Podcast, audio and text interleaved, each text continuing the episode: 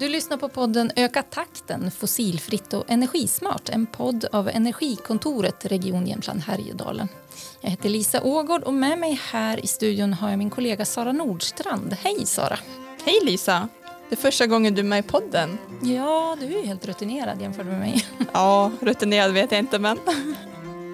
um, vad gör du på Energikontoret?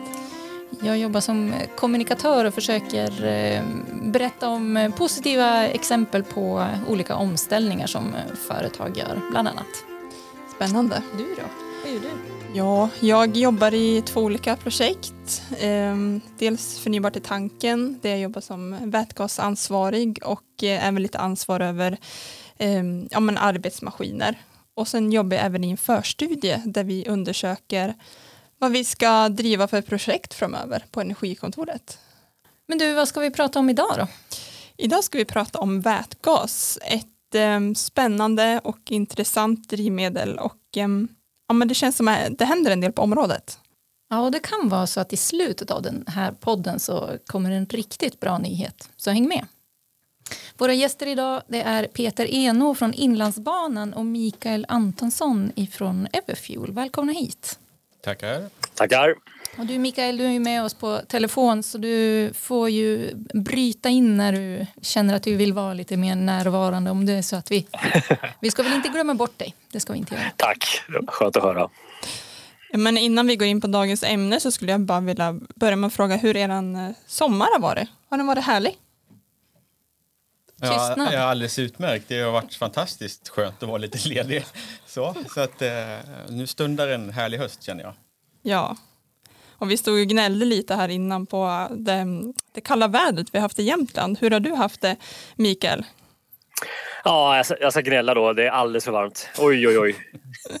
Nej, men det, det, har varit en väldigt bra sommar på alla sätt tycker jag vädermässigt. Och I södra Sverige har, har ju haft eh, både och så säga, men det, det, det, har varit lagom för man nu ska vara riktigt eh, tråkig svensk på så sätt. Så att det, men det har varit bra.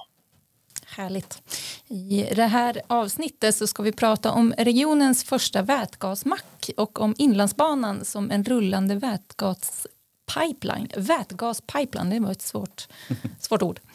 Eh, hittills så har det funnits få tankstationer för vätgas i vår närhet. Det har bara gått att tanka i Trondheim, Sandviken och Umeå om man nu kan kalla det för vår närhet. Men nu har Energimyndigheten precis delat ut 1,4 miljarder till så kallade elektrifieringspiloter. Och då har det danska bolaget Everfuel fått stöd för att bygga vätgasmackar i Sundsvall och i Luleå. Dessutom har Skellefteå Kraft fått stöd för vätgastankstationer i Storuman och i Umeå. Och Mikael Antonsson på Everfuel, grattis till sköna statliga miljoner. Hörru. ja, tack så mycket. Ja, men det, det, det, här var, det var jättekul att få det här beskedet eh, mitt under sommaren. Och det här var ju en eh, utlysning som kom väldigt snabbt. Eh, det skulle in med underlag redan i mitten på april och besked skulle komma egentligen innan midsommar. Eh, och eh, man har också satt ett parameter på att det ska vara färdigt och, och, och eh, användbart eh, stationerna den sista september 2023. Och ehm, eh, vi vet ju alla om att eh, blandar man in både bygglov och beställa varor från andra länder och allting så är det utmanande eh, på alla sätt. Eh, men nu har man ju fått de här medlen så nu eh, är det jättekul och vi satsar full fart på att eh, börja bygga de här eh, nu så fort som möjligt med att börja med att gå in med bygglov så det är jättekul. Och vi fick även eh, en station i Helsingborg så tre stationer fick vi totalt för. Ja. Det här är ju en del av en större satsning i Sverige från Everfuels sida. Men kan du inte berätta lite, vilka är ni och hur ser era planer ut?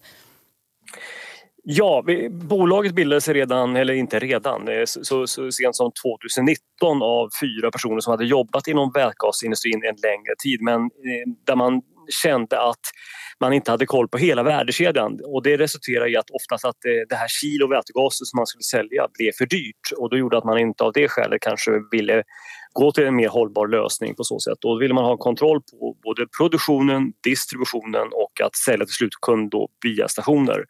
Och idag så är vi närmare 70 anställda. Vi har huvudkontoret på Jylland i Herning och eh, vi är ett, eh, ja, det är ett startup kan man säga så att vi har totalt 12 nationaliteter så det är väldigt eh, roligt på så sätt. Vi pratar engelska. Jag tror framförallt att det handlar om att danskarna förstår sig själva. Det är därför vi valt engelska. så att, så att det, det, det, är ett ungt företag som, där vi expanderar kraftigt och våra huvudmarknader är då Sverige, Norge, Danmark, Tyskland, Holland och Belgien. Men vi tittar även ut över resten av Europa för att Ehm, det här äh, kriget som pågår har ju tyvärr då eh, lett till att vi har blivit uppmärksammade på att vi behöver ändra mycket i samhället och en av de sakerna är ju tillgången på energi och framförallt hitta redundans kanske i att vi kan producera ännu mer lokalt på så sätt och det gör att det finns ett stort intresse och inte bara för vätgas utan för många typer av energislag eller energibärare och på så sätt eh, göra, eh, ja, konvertera om vårt samhälle på något sätt. Då. Och varför tror ni så hårt på just vätgas då? Eh, för det är en, en, eh, liksom en energibärare som kan användas i många olika miljöer. Alltså det, det är inte bara eh, till det här vägburna, eh, för vi pratar då bilar eller lastbilar eller bussar. Eh, även tåg eh, är eh, en perfekt användare av vätgas eller det marina eller för den del industrier. Men även att när du producerar vätgas, vilket innebär att du klyver i vatten med elektricitet, så får du inte bara ut vätgas, du får ju även ut värme och du får ut syre. Och värmet, det passar ju alldeles utmärkt exempel i fjärrvärmeverket, eller fjärrvärmesystemet som väldigt många svenska kommuner har. Och syret, det kan användas exempel i kraftvärmeverk för att öka på effektiviteten när du, när du liksom eldar helt enkelt. Så vätgasen eh, den, den, har många fördelar plus att den kan produceras där strömmen finns. Eh, du är inte begränsad eh, på så sätt. Så det gör att man kan producera nära användarna. Ja, Mikael, du nämnde ju tåg. Peter Enå, du som är utvecklingschef på Inlandsbanan, du har ju gjort dig känd som en av länets största vätgasentusiaster. Vad betyder det här för er då med Everfuels satsning? Ja, alltså det är jättekul och vi har ju längtat och väntat på, på att det här ska ske i Sverige. Um, och uh, det är precis som, som Mikael säger att det här är ju användbart i flera, i flera olika, på flera olika sätt och olika transportslag. Och, och vi som håller på med utveckla järnväg och, och titta på framdriften där. Vi ser ju fantastiska möjligheter med att använda vätgasen för att eh, helt enkelt driva loken framåt. Ehm, så att eh, det är jättekul och det är viktigt att det händer nu för vi behöver hänga på resten av Europa. Och visst var det så att ni också fick ett positivt besked här i början av sommaren? Jo, Vill men... du berätta lite vad, mm. vad fick ni för besked? Ja men så är det ju. Det är ju så att eh, Inlandsbanan är ju en statlig anläggning. Eh, den ägs av staten och den finansieras med hjälp av statliga anslag. Och vi har då begärt att få eh, förhöjda eller höjda anslag för att kunna utveckla den här banan. Och det fick vi ett sånt positivt besked här innan eh, sommaren precis. Så att det var en rejäl höjning och eh, det gör ju att vi kan fortsätta med, med våra aktiviteter kring att utveckla både banan och näringslivet runt omkring banan inte minst. Kan man säga att det här är genombrottet ni har väntat på? Det kan man faktiskt göra för att eh, det har varit ett ganska svalt intresse kring Inlandsbanan om man tittar historiskt sett. Den byggdes för nästan 100 år sedan och har inte riktigt kommit eh, till användning på det sättet som var tänkt. Eh, vi brukar skämta och säga att den byggdes 90 år för tidigt men, men nu har vi fått en, en fantastiskt eh, fokus på banan och det, det är ju givetvis tingat av att, att det investeras tusen miljarder i Norrland och man behöver en infrastruktur som ska klara av den här satsningen när det gäller att få, ja, helt enkelt öka kapaciteten i transportsektorn. Du nämnde ju att Inlandsbanan eh, kanske är lite hemlig. För de som inte känner till den så himla bra, vad är det för någonting? Inlandsbanan är en, en järnvägssträcka som går från Kristinehamn eh, i nord-sydlig riktning upp till Gällivare och ansluter då med ett antal tvärbanor till övriga järnvägsnätet i Sverige och Norge.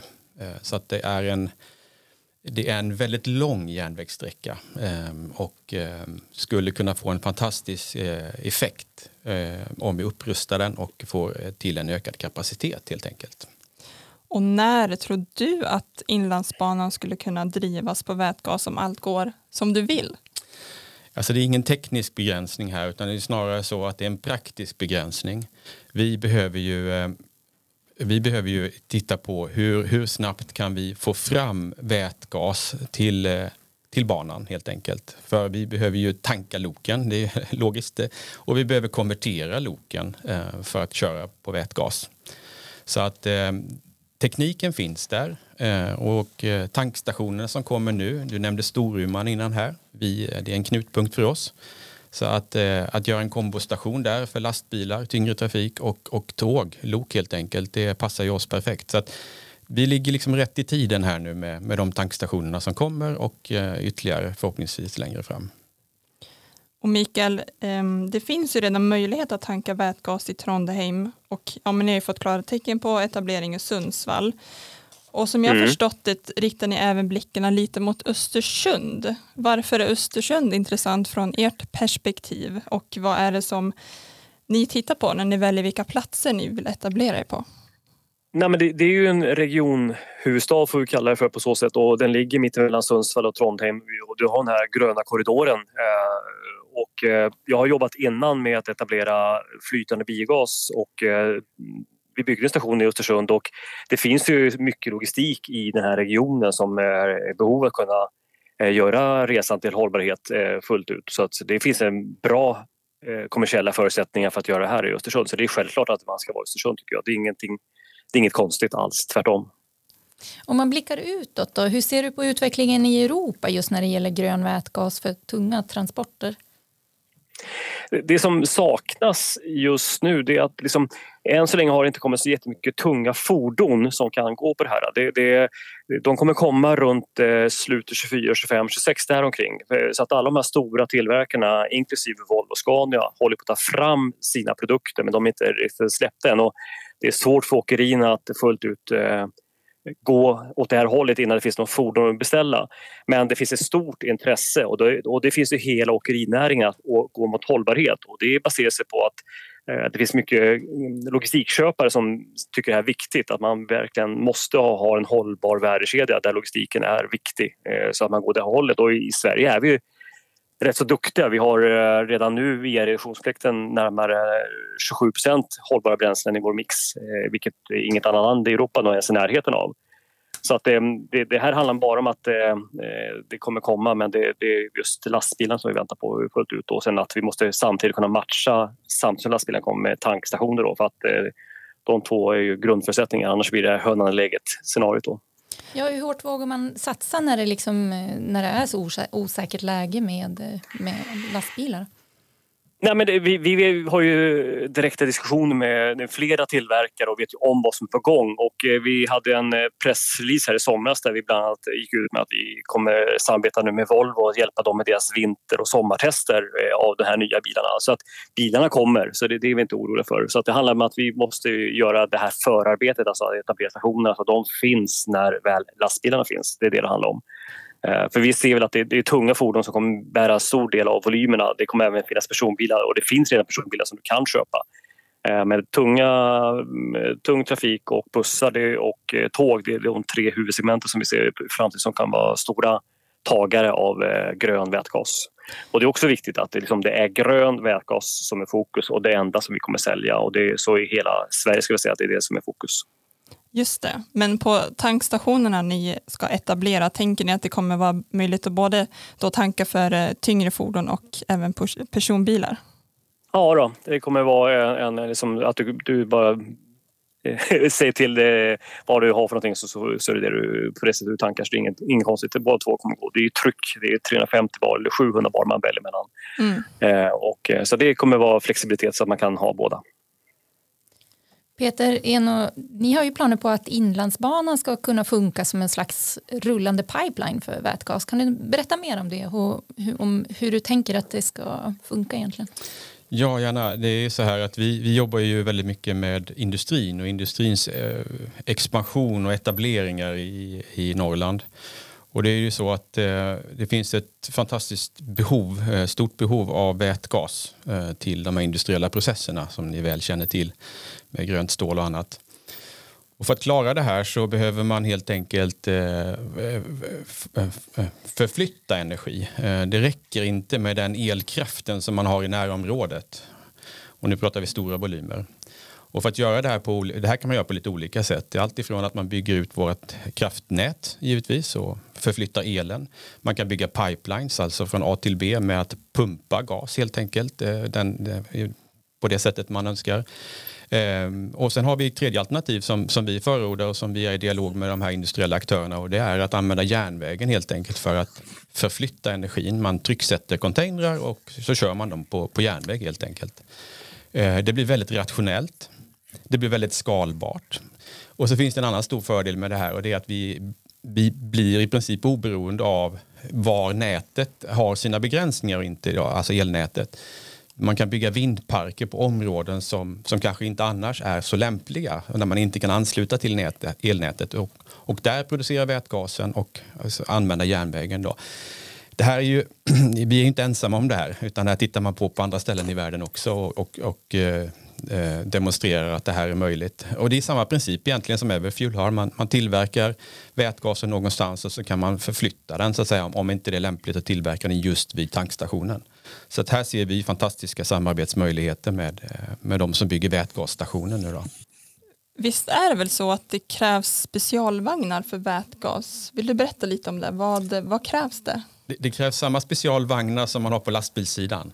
Eh, jag tror egentligen Mikael är bättre på att svara på den frågan men, men, men man trycksätter gas i, i eh, container eh, lösningar helt enkelt. Och det kan man sätta en sån container på en lastbil och det kan man lika gärna sätta på, på en järnvägsvagn så att säga. Så att det är ingen teknisk eh, skillnad egentligen och säkerhetsmässigt eh, så är det eh, likvärdigt. Då. Så att eh, vi ser ju att man kommer använda den tekniken även på järnvägen. Mm. Och det är också det vi ser i Tyskland till exempel, att man, man demonstrerar det nu och att, att eh, titta på det här systemet helt enkelt. Men för att förverkliga allt det här, vad ser du framför dig för typ av samarbeten? Vad behövs? Ja, men tittar man ur vårt perspektiv så är det, ju, är det ju hela värdekedjan vi pratar om. Allt ifrån att eh, en vindkraft, eh, ett vindkraftföretag tillverkar den gröna elen som man sen gör vätgas av, alltså en, en producent av vätgasen helt enkelt till någon som vill distribuera vätgasen dit där den behövs till, till den som, eh, som är slutanvändare så att säga. Då. Och sen har vi alla leverantörer av hårdvara däremellan som ska göra det här systemet möjligt. Så att då är det operatörerna givetvis, då, alltså tågoperatörerna och deras leverantörer som, som måste vara med i den här värdekedjan. Så att det här är, det här är liksom en stor värdekedja, ett stort system som, som måste till så att säga. och det är det vi jobbar med dagligen här nu då eh, för att få till. Ehm, du säger att det är mycket som eh, ska, behöver komma på plats. Har du någon eh, tidslinje? Ja, men det är lite parallella processer här. Dels är det ju att konvertera loken, alltså att demonstrera att, att tekniken fungerar för att, att, driva den här trafiken med, med hjälp av vätgas på Inlandsbanan och andra icke-elektrifierade banor som finns runt om eh, i Sverige och, och eh, Europa.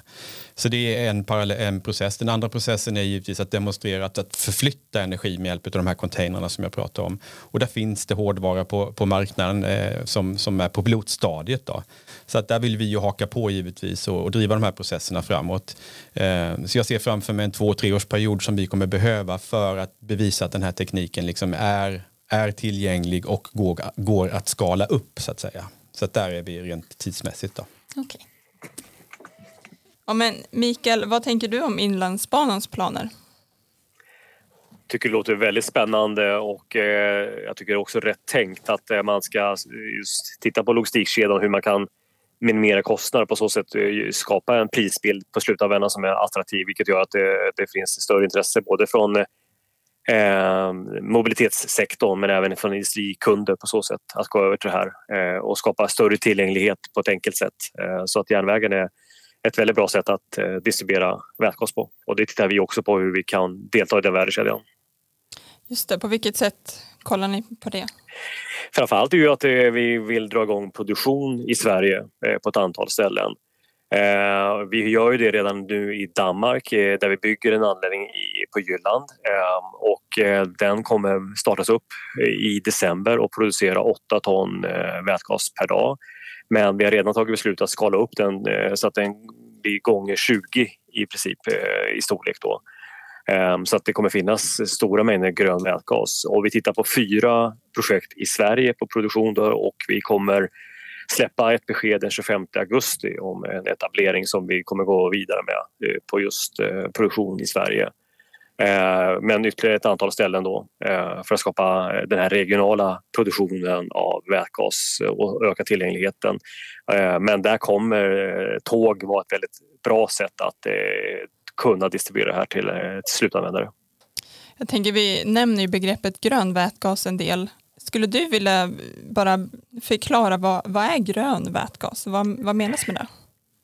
Ja, det kommer då från förnybara eh, källor då helt enkelt. Att det är då antingen eh, vattenkraft eller vindkraft eller solkraft eh, på så sätt. Och det är ju EU som sätter förutsättningar på vad som är förnybart då. Eh, men det finns även att man kan producera här att man använder naturgas eller olja eller kärnkraft på så sätt och då får den olika färger baserat på vilken typ av eh, hur pass hållbart det här anses vara då. Och eh, det här är det ju ja, en fråga om hur man ska se på kärnkraften till exempel, hur pass hållbar den är i förhållande till vilken färg den ska få. Då, så det är olika färger baserat på vilken typ av hållbarhet vi har på hela. Då. Det här blir en fråga kanske till er båda två. Vi har ju sett de senaste åren hur laddinfrastrukturen och utvecklingen av laddbara fordon har exploderat. Finns det något i den här processen som ni tar med er in i, in i liksom utvecklingen av vätgas och etableringen av en laddinfrastruktur där. Om vi börjar med dig Peter.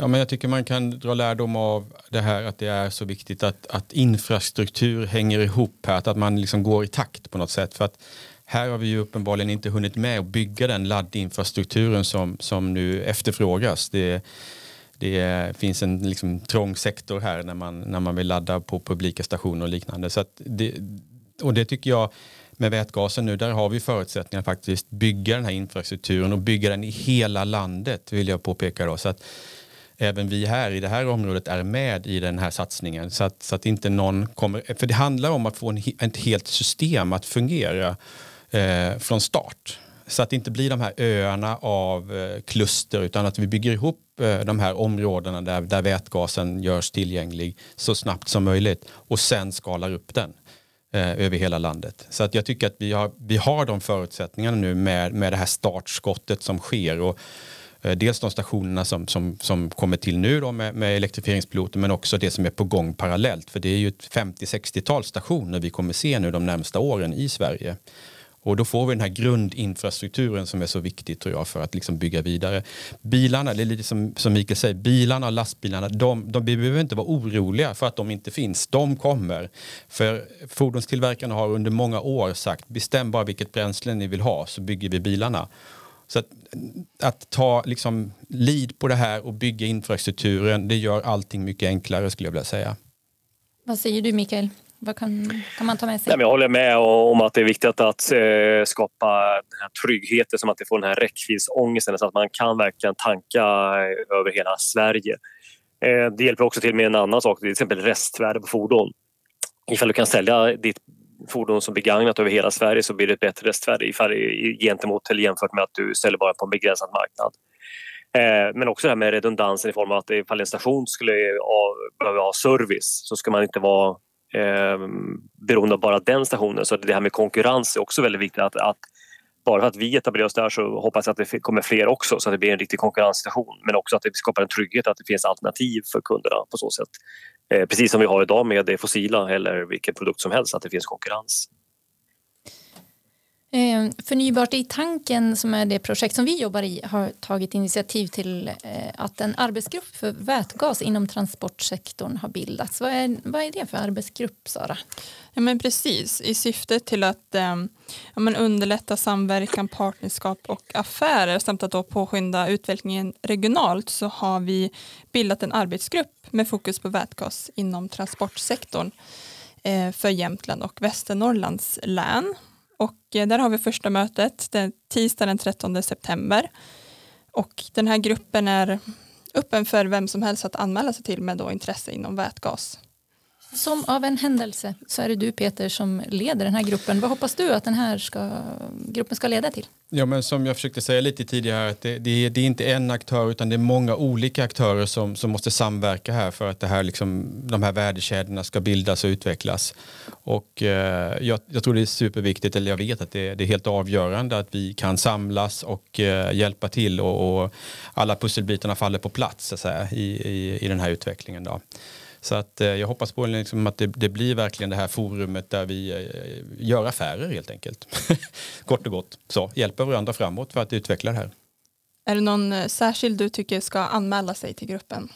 Nej, jag tycker alla som är intresserade av vätgas, och jag har ju varit, som du vet sa, jag har varit lite noga med det här, att det är, nu pratar vi vätgas, för att det har varit väldigt mycket diskussion och, och utveckling eh, och möten kring ladd eh, och batterifordon och, och det, det, intresset och, och det, ska jag säga, det är lite självgående nu. Nu behöver vi göra samma sak på vätgassidan, att få till det här och att eh, bilda de här formationerna av, av olika intressenter för att liksom få, få det här att, att flyga helt enkelt. Samarbete helt enkelt. Ja, det är så det brukar gå till. Om man vill anmäla sig då, hur gör man det Sara? Nej, men det, det går att anmäla sig via ett anmälningsformulär som man kan hitta på vår hemsida regionjh.se energikontoret. Och så går det också bra att mejla till oss. Energikontoret är regionjh.se. Eh, Mikael, när tror du det kommer finnas en station i Östersund? Eh, 2025, den 3 juni. Ja, men det, det antecknar vi här. Så, Vad oerhört ja, men alltså, Under 2025 eh, så eh, det, det, det, det är troligt att vi skulle ha någonting på plats då faktiskt. Det låter ju fantastiskt, eller hur Peter? Ja, nej, men det här är en, en, en, eh, en dröm som går i uppfyllelse. Jag har hållit på med det här sedan 90-talet så att det är nu äntligen är vi, börjar vi komma ikapp Tyskland på området här känner jag. Mm. Hur händer det? Ja, men vilka, vilka glädjande besked i slutet av den här sändningen. Tusen tack för att ni ville vara med, både Peter Eno och eh, Mikael Antonsson. Eh, är det någonting som vi har missat att fråga eller någonting som ni vill eh, skicka med de som lyssnar på det här? Nej, men jag tycker initiativet ni tar är fantastiskt bra. Jag, jag gläds verkligen åt det här att vi, vi får, eh, får, får en, en dialog och en diskussion kring eh, olika lösningar som vi behöver ta fram. Det, det, här, det här är bråttom. Vi, det, vi behöver nå våra klimatmål och då finns det ingen annan väg att gå än den här vägen. Så att, eh, mer sådana här samtal. Mikael, har du någonting att skicka Jag bara instämma att det här måste ske i dialog och i partnerskap. Det är jätteviktigt att man gör det här saker tillsammans för att eh, all, inte en enda kan ta all risk. Det är flera som delar på risken och, och på så sätt skapa förutsättningar. Men det händer nu, eh, så det är jättekul. Och med det säger vi tack till eh, gästerna. Tusen tack för att ni var med. Tack, tack så mycket. Tack, tack. Och det här avsnittet har finansierats av Europeiska regionala utvecklingsfonden, Region Jämtland Härjedalen, Region Västernorrland, Länsstyrelsen Västernorrland och Biofuel Region.